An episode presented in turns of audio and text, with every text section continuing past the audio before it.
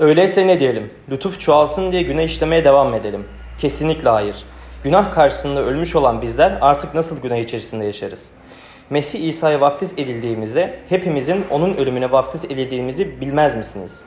Babanın yüceliği sayesinde Mesih nasıl ölümden dirildiyse biz de yeni bir yaşam sürmek üzere vaftiz yoluyla onunla birlikte ölüme gömüldük.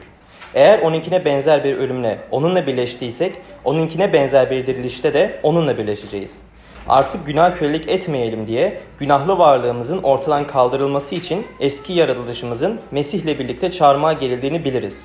Çünkü ölmüş kişi günahtan özgür kılınmıştır. Mesih'le birlikte ölmüşsek onunla birlikte yaşayacağımızı da inanıyoruz.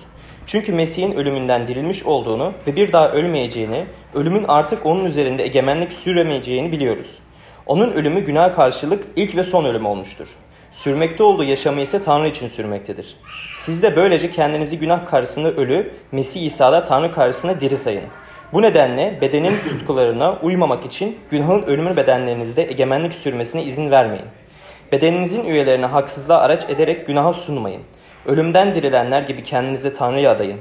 Bedeninizin üyelerini doğruluk araçları olarak Tanrı'ya sunun. Günah size egemen olmayacaktır. Çünkü kutsal yasanın yönetimi altında değil, Tanrı'nın lütfu altındasınız. Çünkü halkım iki kötülük yaptı.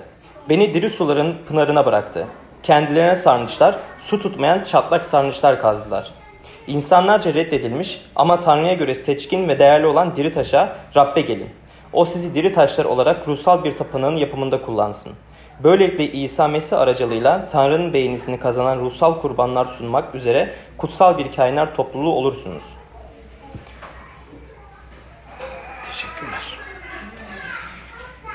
Um, evet bir daha günaydınlar ve e, insan tarihinde e, en zengin, en e, kaliteli mektup birçok e, edebiyatçı için Paulus'un Romalı mektubu.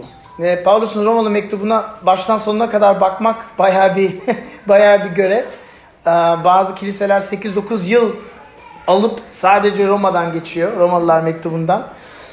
Ama Paulus'un orada yazdığı o kadar derin ki, o kadar önemli ki hayatımız için. Aslında birçok kişi 5. müjde olarak Romalı mektubunu alıyor. Yani Mata, Markus, Lukas, e, Yohana bir de Paulus'un Romalı mektubunu. Çünkü aslında Paulus bütün mektup süresinde müjdeyi anlatıyor. Ve ben size şimdi ne yapacağımızı anlatmak istiyorum. Ben şimdi birazdan gideceğim çünkü Özgür kardeş paylaşacak. Um, ve bugün e, bunu yapabilmemiz için birçok kişi yardım etti. İlk önce Maria e, bütün bu e, güzel e, baskıları hazırladı, tercüme etti. Kapıyı kapatırsak üçüncüsü de kapının arkasında. E, ve biz size burada daha fazla beyin bilgisi vermek istemiyoruz. Neden vermek istemiyoruz? Çünkü bu sebepten. Hepimiz zaten uygulayabildiğimizden çok daha fazla bilgiye sahibiz. Ne sağlıklı ne sağlıksız olduğunu biliyoruz. Ama bazen uyuyoruz bazen uymuyoruz. Ne doğru ne yanlış olduğunu biliyoruz. Bazen uyguluyoruz bazen uygulamıyoruz. Onun için fazla yeni bir şey üzerine gitmek istemiyoruz. Derin, daha derine gitmek istiyoruz. Dün akşam paylaştığım konu e, o yani onun derinine gitmek çok önemli ve çok e, cesaret isteyen bir şey e, hayatımızdaki Tanrı'ya tapmadığımız zaman neye tapıyoruz, neden tapıyoruz ve nasıl tapıyoruzu anlamak için kendi yüreğimize iyi ve derince bir bakmamız lazım. Ve bugünkü konu o. Um, Paulus'un 6. bölümde yazdığı şey aslında 6. ayete bakarsanız şöyle yazıyor. Diyor ki eski yaşamınız artık bitti. Eski yaşamınız yani İsa'yı tanımadan önce yaşadığınız yaşam artık bitti diyor. Ve en kuvvetli, en acayip açıklamayı kullanıyor. Diyor ki İsa nasıl öldüyse, İsa nasıl çarmıha gerildiyse siz de ona inandığınız takdirde çarmıha gerildiniz, öldünüz ve gömüldünüz diyor. Ya daha aşırı kelime nasıl kullanılabilir bilmiyorum. Yani o kadar şiddetli bir şekilde diyor ki eski hayatınız bitmiştir diyor. Yani Eski hayatınıza baktığınızda İsa'yı tanımadığınız zamanda nasıl yaşadığınız, neden neyi yaptığınız ve nasıl yaptığınıza baktığınızda Paulus diyor ki ona iyice bir bakın diyor. O kitabı artık kapatın diyor. O iş bitti. Kapatın dolaba koyun. Hatıra. Ve yeni bir kitap açın. İsa'nın hayat kitabını açın. Çünkü sadece ölüp çarmıha e, gerilip ölüp gömülmedik. Üçüncü ayette diyor ki onun ölümüne vaftiz oldunuz diyor. Yarın vaftize gideceğiz. Aslında çok güzel bir metin. Bize çok uyuyor. Ama beşinci ayette de diyor ki ona benzer gibi onunla dirildiniz diyor. Yani eski hayatımız bitti. O kitap kapandı. Hepimiz öldük, gömüldük. Ama orada iş kalmıyor. Çünkü İsa mezarda kalmadı. İsa dirildi. Üçüncü günde dirildi ve Rab onun kurbanını kabul ettiğini bize her, ve herkese açık bir şekilde gösterdi. Ve İsa'yı diriltti ve İsa Rabbin sahasında İsa Tanrı olarak bütün dünyayı yönetiyor. Bütün evrimi yönetiyor. Ve biz de onunla beraber dirildik. Bakın çok ilginç şey. Efesli mektubuna geleceğiz sonra. Aslında bize diyor ki biz de bugün İsa'la beraber bu dünyanın yöneticisiyiz diyor. Ya dua hayatımızda ne dua ederse güçlü. Um, geçen hafta sözlerden bahsettim. Dedim ki sözlerimiz çok güçlü dedim. Ağzımızdan çıkan şey gerçeki yaratıyor dedim. Nasıl Tanrı'nın sözü de dünyayı yarattıysa bizim ağzımızdan çıkan sözler kendimiz için ve karşımızdaki insanlar için bir gerçek yaratıyor dedim. Paulus bunu kastediyor. E, dua ettiğimizde, Rabbe güvendiğimizde, başka türlü yaşadığımızda kendimiz için ve etrafımızdaki için başka bir gerçeği yaratıyoruz. Dünyayı değiştiriyoruz. Ve Rab İsa ile birlikte yönetiyoruz. Yani biz de krallar, kraliçeler gibi nasıl Adem ve Havva ilk kral ve ilk kraliçeydi. Nasıl Adem ve Havva ilk, ilk kahindi. Petrus ne diyor? Hepiniz kahinsiniz diyor. O görev şimdi bizde. Ve bu yeni bir gerçek. Um, ve şimdi um, Romalı'da bu bölümde diyor ki ve bu bölüme ağırlık vermek istiyoruz. Çünkü hepsine bakamayacağız ve pratik yapmak istiyoruz. 11. ve 14. ayet arasındaki şeye bakın. Orada diyor ki sizin iki tane seçeneğiniz var diyor. Bedenin üyelerini Tanrı'ya sunmak veyahut bedenin üyelerini kötülüğe, günaha kullanmak. Bu iki seçeneğimiz var. Ve ilk önce negatif tarafa bakmak istiyoruz. Özgür kardeş paylaşacak. Onu yapmadığımızda, Tanrı'ya tapmadığımızda, başka şeylere taptığımızda bu, bu biz nasıl? Hayatımızda nasıl bir şekil alıyor? Ve ondan sonra dua ve e, düşünme zamanı olacak. Burada dönüp bakacağız. Um, buradan başlayarak bir, iki, kapının arkadaki üç, dört. Onu Özgür yönetecek. Ondan sonra yine bir, beraber geleceğiz. Ve pozitif tarafına bakacağız. Tamam. Teşekkürler. Özgürcüm sen gel sen paylaş. Tamamdır. Bir dua edelim. Başlayalım birlikte. Her şey gücü yeten Rab, e, bu, bu sabah senin önündeyiz. Bu ayetlere baktığımızda aslında o kadar net yazmış ki Pavlus Efendi e, bir anda kötü hissetmemek çok zor. Bir anda kendimize odaklanmamak çok zor. Ama bu sabah dileğimiz kendimize değil, senin yaptıklarına, senin bize sunduklarına odaklanmak istiyoruz ya. Sen bizim gönlümüzü aç, gözlerimizi aç, kulaklarımızı evet, dinleyen, gözlerimizi gören eyle. Ee, teşekkürler her şey için. Burada bir arada toplandığımız için ya sen bizi e, birlikte konuşmalarımızı, sohbetlerimizi bereketli. Mesih'in adıyla. Amin. tamam o. Buranın en güzel tarafı. Bayağıdır bunu bekliyorum. Tamam. Şimdi birlikte direkt dalalım. Romalılar bölümü gerçekten çok net. Yani okuyunca Paulus orada bir teolojiye girmemiş çok pratik şeyler söylüyor. Ee, bu nedenle ben Romalılar tarafını Bilgi abi açıkladı. Ben öyle bırakacağım. Ben e, Yeremya bölümüne geçeceğim. Sizde de e, ayet aslında var telefonunuzda WhatsApp grubunda. Ama ben de okuyacağım. E, Yeremya 2.13 Çünkü halkım iki kötülük yaptı. Beni yani diri suların pınarını bıraktı kendilerine sarnıçlar, su tutmayan çatlak sarnıçlar kazdılar. Ee, aslında bugünkü konumuz, e, dün de bahsettik, aslında bizim kilisemizde biraz daha böyle hemen hemen her pazar bu konu e, konuşuluyor. Aslında güzel bir konu çünkü tapınma, e, tapınma aslında bir e, kelimeye de biraz açıklık getirmek istiyorum. Tapınmak, tapmak ne demektir? Çok dini bir kelime kalıyor. O yüzden biraz odaklanıp bunu içselleştirirsek belki bu hafta sonraki konumuz biraz daha e, netleşebilir akıllarımızda. Ee, elbette bunu başlangıçtan beri yaşıyoruz. Değil mi? Ee, Eden, bah Aden bahçesinde yaşadığımız o sorun e, hala bugün de devam ediyor. Bazılarımız için belki haftada birdir, bazılarımız için bazı günler e, her an o e, zorlukla e, karşılaşıyoruz, tapınma zorluğuyla. Tapınma dediğimizde e, şöyle düşünebiliriz, belki pratik olur, adanmak, adamak, hayatını bir şey uğruna feda etmek. E, şöyle bir cümle yazdım, dünyasal anlamda kendin için iyi olan yerine, başka bir dünyasal anlamda iyi olan yerine başka odaklı yaşamaktır tapınmak. Yani bir şeye tapınıyorsam artık o şey neyse ya da kimse ben özgür kendi e, isteklerimi bir kenara koyup onun için yaşamaya başlıyorum. Onu hemen dinle karıştırmayın ama bunu her alanda yapabiliriz. E, bu limitli bir şey değil. O yüzden dikkatli olmamız gerekiyor. Ben bunu açıklayacağım. Martin Luther'in bir e, sözüyle açıklama, açıklamak istiyorum. Kalbiniz neye bağlanırsa ve güvenirse bu sizin asıl tanrınızdır. İş, işlevsel kurtarıcınızdır. İşlevsel yani pratik kurtarıcınızdır. Evet bir Tanrı'ya inanıyorum, bir Allah'a inanıyorum. Fakat gün içinde pratiğe döktüğümde belki o Tanrı'ya hiçbir alakasız bir yaşam e, yaşıyorum. Mesela diyelim çocukluğumuza dönelim. Siz ilkokul, ortaokuldayken en çok konuştuğunuz konu neydi? Ne üzerine konuşmayı seviyordunuz? İlkokul, ortaokul. Belki hatırlarınızda üniversiteye geri dönün belki çok zor da. en çok konuştuğunuz konular neydi? Arkadaşlarınızla bir araya geldiğinde neden bahsetmeyi seviyordunuz? Ne üzerine konuşuyordunuz? Aşk acıları. Aşk acıları. Erken başlamışsın. Üniversite. Üniversite mi? Tamam. İlkokul değil dedim. Biraz erken olmuş ama tamam sorun değil. Sizlerde ne vardı?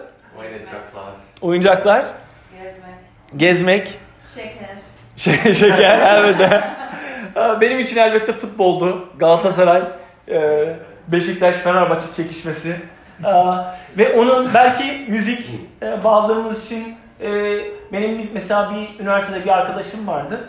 Gitarı o kadar klasik çalıyordu ve o kadar bağlıydı ki parmakları sonunda bir nevi kısa bir dönem felç oldu. Çalamadı. Yani o kadar bağımlılık şey yaptı ki kendini o kadar adadı ki o enstrümana bedenine zarar vermeye başladı sonunda. E, bugün işte bak, bakmak istediğimiz şey o. Öyle kendimizi bir şeye adıyoruz ki bu yaratan da olabilir, e, dünyasal şeyler de olabilir. Aslında biz onlara tapınmaya başlıyoruz. E, dediğim gibi bazıları için müzik, fotoğraf, sanat bunlar da daha sofistike, güzel geliyor kulağa. Belki bir futbol maçı gibi değildir. E, futbol maçı biraz şey oluyor, nasıl ona, yani büyüdün geçti artık biraz mesela büyüyünce insanlar iş alanında iş kuruyor. Bütün hayatını adıyor. Çoluk çocuk hiç onlar geride kalıyor. Bütün hayatıyla iş alanına odaklanıyor.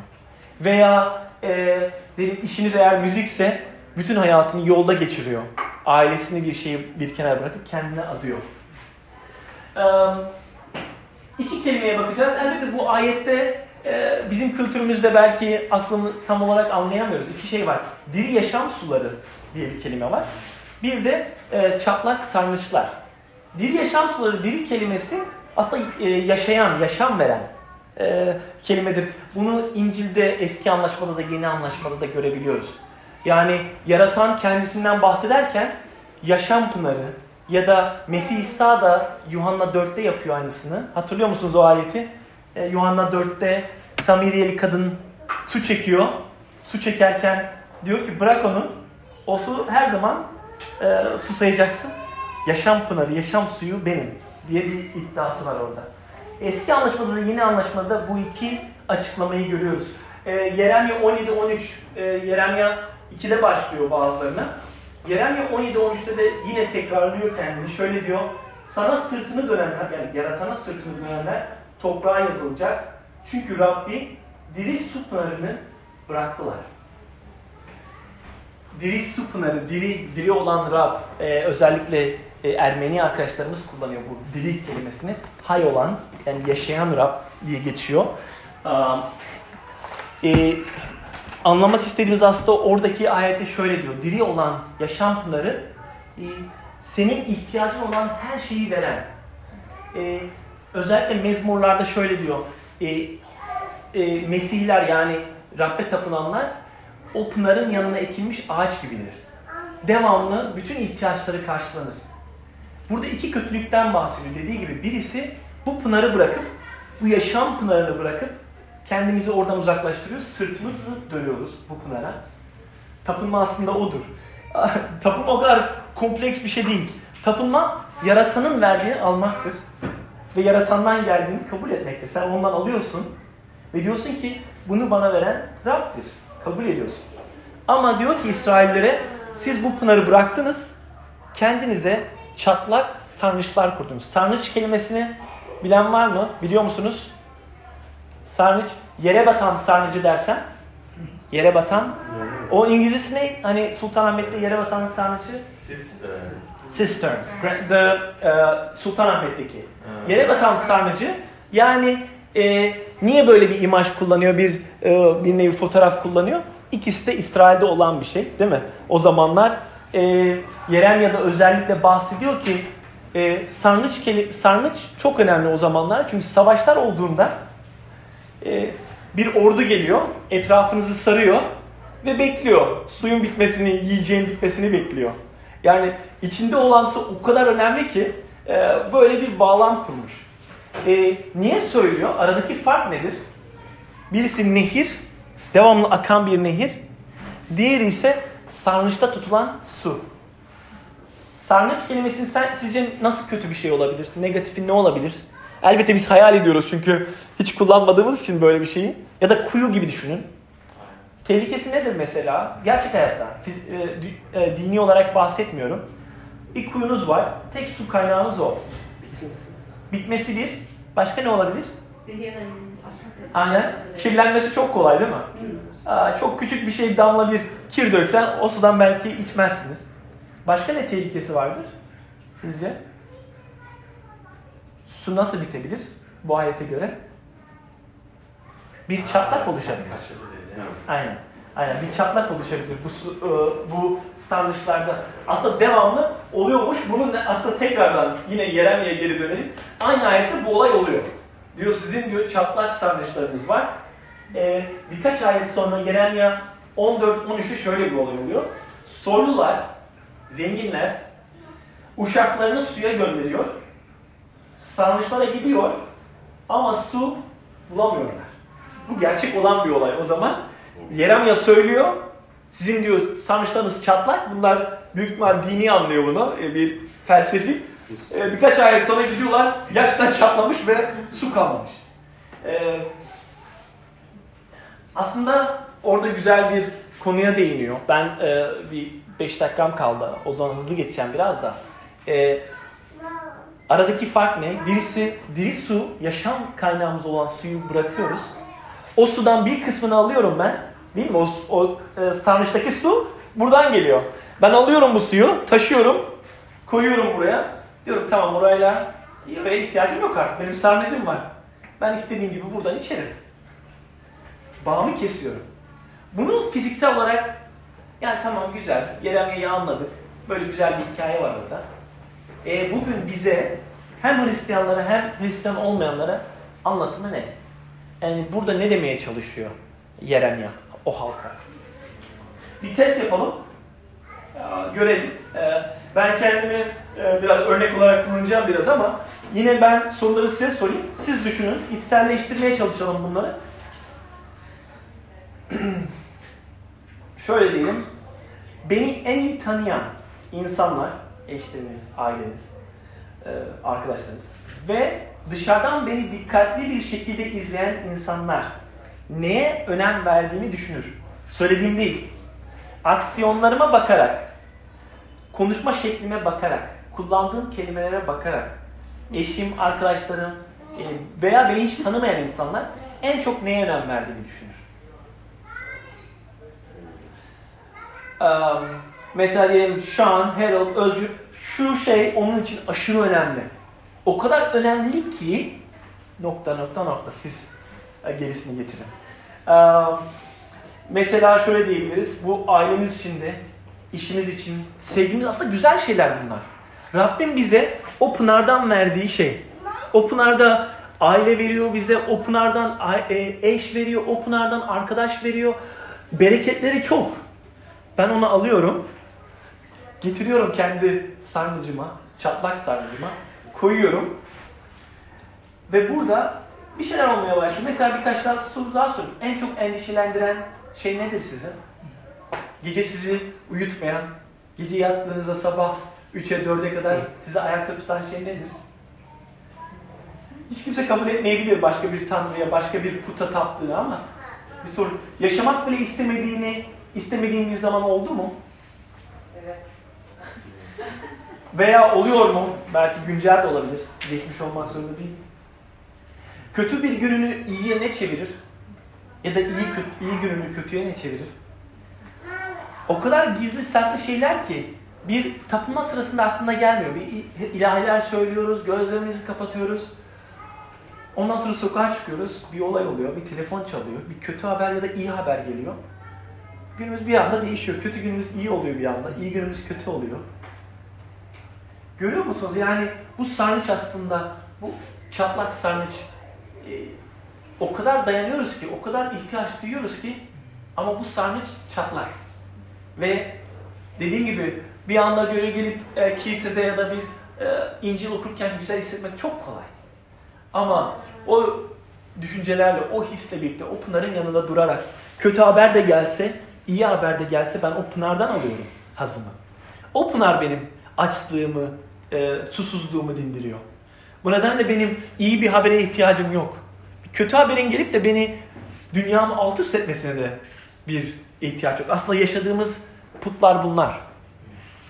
Ee, sizi o pınardan ayırıp buradaki sarnıca güvenen, güven, güvendiğiniz şeyler nelerdir?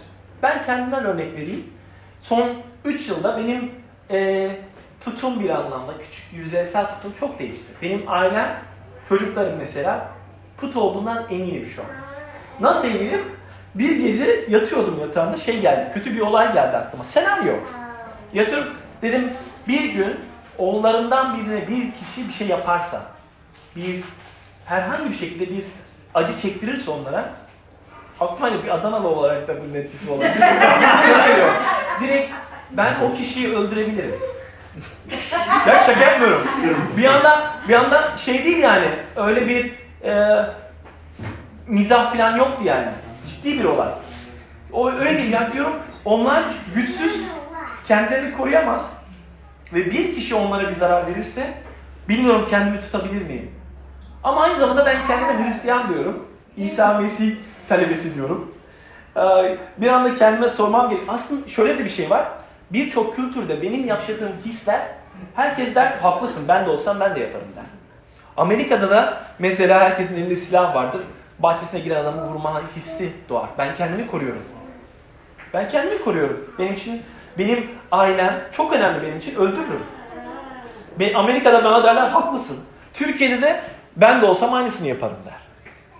Görüyor musunuz? Kültürlerimiz aslında bizim kültürlerimiz o kadar o sarnıcı doldurmaya çalışıyor ki durmadan suyu alıyor, aile fikrini alıyor, getiriyor kendi fikrini oluşturmaya çalışıyor. Kültür diyor ki öldürmek caizdir, sorun yok. Kanunlar bile destekliyor. Kanunlar diyor ki öldür, öldürürsen sorun yok. Ben senin yanındayım. Ama Rab öyle demiyor. Biz Hristiyanlar olarak kendimizi o sarnıç başında bekliyoruz hala. Onun bizi tatmin etmesini istiyoruz. Şöyle bir e, yeni bulduğum bir yazar şöyle diyor. İçimdeki boşluk doldurulmaya başlıyor. Ama kalbimde delikler vardır. Ve tuttuğu her ne olursa olsun biter. Beni bir kez daha boş bırakır. Aslında bizim hayat döngümüz de o. Ee, bu putların etrafında ailem beni tatmin edecek. Ee, belki fiziksel seks beni tatmin edecek. Belki müzik, işim, kariyerim beni tatmin edecek. Ve oradan devamlı su çekmeye çalışıyoruz. Ve devamlı bitiyor. Bizi hep böyle arayış içinde bırakıyor. Fazla da detaya girmeyeceğim. Ee, hızlı geçeceğim son kısmında. Ee, bunlar bizim yüzeysel putlarımız ve Calvin'in şöyle bir sözü var. Calvin'in çok güzel bir sözü var. Orada diyor ki insanların kalbi ebedi bir put fabrikasıdır. Devamlı put üretiyoruz. Benim benim e, bunu 21. yüzyılda çok güzelleştirdik. Bunlara hobi de diyebiliyorsun. E, put demek yerine. E, bütün hayatını ona adıyorsun 3 ay. Bıkıyorsun. Yetmiyor. Ondan sonra başka bir şey geçiyorsun. Bunlara hobi diyoruz. Yeni bir hobi şey yapmak ister misin? Niye yeni bir şeye ihtiyaç duyuyorsun? Çünkü bıktın eskilerden. Hep arayış içindesin. Bunlar e, elbette yüzeysel kalıyor. Yüzey yani dışta görünür. Ben görebilirim. Ama benim görmediğim, Rabbin gördüğü asla e, derin putlar var. Bunları da hızlı geçeceğim çünkü e, Bilge abi değinecek. Konforumuz, takdir edilme, onaylanma, beğenilme isteklerimiz, kontrol, benim çocuklarıma karşı hissettiğim, onları korumak ve güç, hakimiyet, güçlü olmak, insanlar önünde güçlü görünmek. Bunlar bizim asıl dört putumuz. Ve bunlar e, hep her şeyi etkiliyor. Bunlar detay detay gireceğiz ama bunlar bizim asıl putlarımız. E, yapacağımız aktivitede bu ortaya çıkacak. E, mezmurlarda putlar hakkında şöyle diyor. Mezmur 97-17 Utansın puta tapınanlar, tapanlar, değersiz putlarla övülenler. Yani ben eğer durmadan putlarımla övülüyorsam insanların önüne, e, ne yazık ki bana değersiz putlarla övülenler utansın diyor. Rabbe tapın ey bütün ilahlar. Son bir paylaşım daha var. O da G.K. Chesterton'dan. Şöyle diyor, Tanrı'ya tapınmayı durdurduğumuzda hiçbir şey değil, herhangi bir şeye tapına, tapmaya başlarız. Yani ya Tanrı'ya taparız ya da e, herhangi bir şeye. Önümüze ne gelirse. Bu video game de olabilir, spor da olabilir, aile de olabilir ama taparız. Biz tapınmak için içimizde bir boşluk var. Biz bunları doldurmaya çalışıyoruz ama eninde sonunda putlara geliyoruz. E, Tanrı yerine. Bunlar negatiflerde. Şimdi küçük bir e, işlevsel bir şey yapacağız. Ayağa kalkacağız. E, dolaşacağız böyle teker teker. Ve bu konu üzerinde biraz düşüneceğiz ve dediğim gibi içselleştirin. Fazla konuşmayalım. Düşünün. İç, içinizdeki gerçek şeyi bulmaya çalışın. Hangisi sizlerin ana putlarınız? Çok teşekkürler. Şimdi e, pandemi zamanı e,